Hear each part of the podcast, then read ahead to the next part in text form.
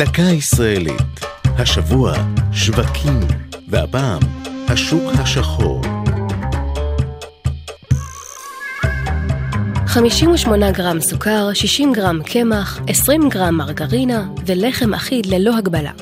זה חלק מרשימת המצרכים הבסיסית שהוקצבה לאזרח ישראלי בתקופת הצנע, בשנותיה הראשונות של המדינה. תוכנית הקיצוב הממשלתית נועדה לבסס מדיניות כלכלית בריאה, אבל הביאה איתה גם תופעה שלילית, השוק השחור.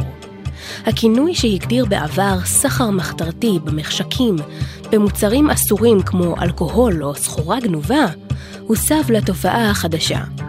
משפחות שרצו להתפנק ביותר מ-75 גרם בשר לנפש, נאלצו לרכוש את התוספת באופן לא חוקי, ולהישמר מאימת השלטונות שהנהיגו מדיניות אכיפה נוקשה. מתחת לפני השטח רכש המסחר הלא חוקי. חקלאים סחרו בעודפי תוצרתם, חנוונים מכרו מתחת לדלפק, וסוחרים למיניהם הציעו בגניבה ביצים טריות. מלבד חיפושים נרחבים בשטח אחר המבריחים, היו גם מאמצי הסברה כדי להדגיש בתודעת הציבור את השלכותיו השליליות של השוק השחור.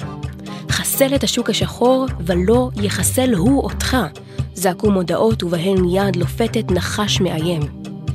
עם ביטול מדיניות הצנע בסוף שנות החמישים, דעך ונעלם השוק השחור. זו הייתה דקה ישראלית על שווקים והשוק השחור. כתבה שירה אל-עמי, ייעוץ הדוקטור אפרת טולקובסקי, הגישה עדן לוי.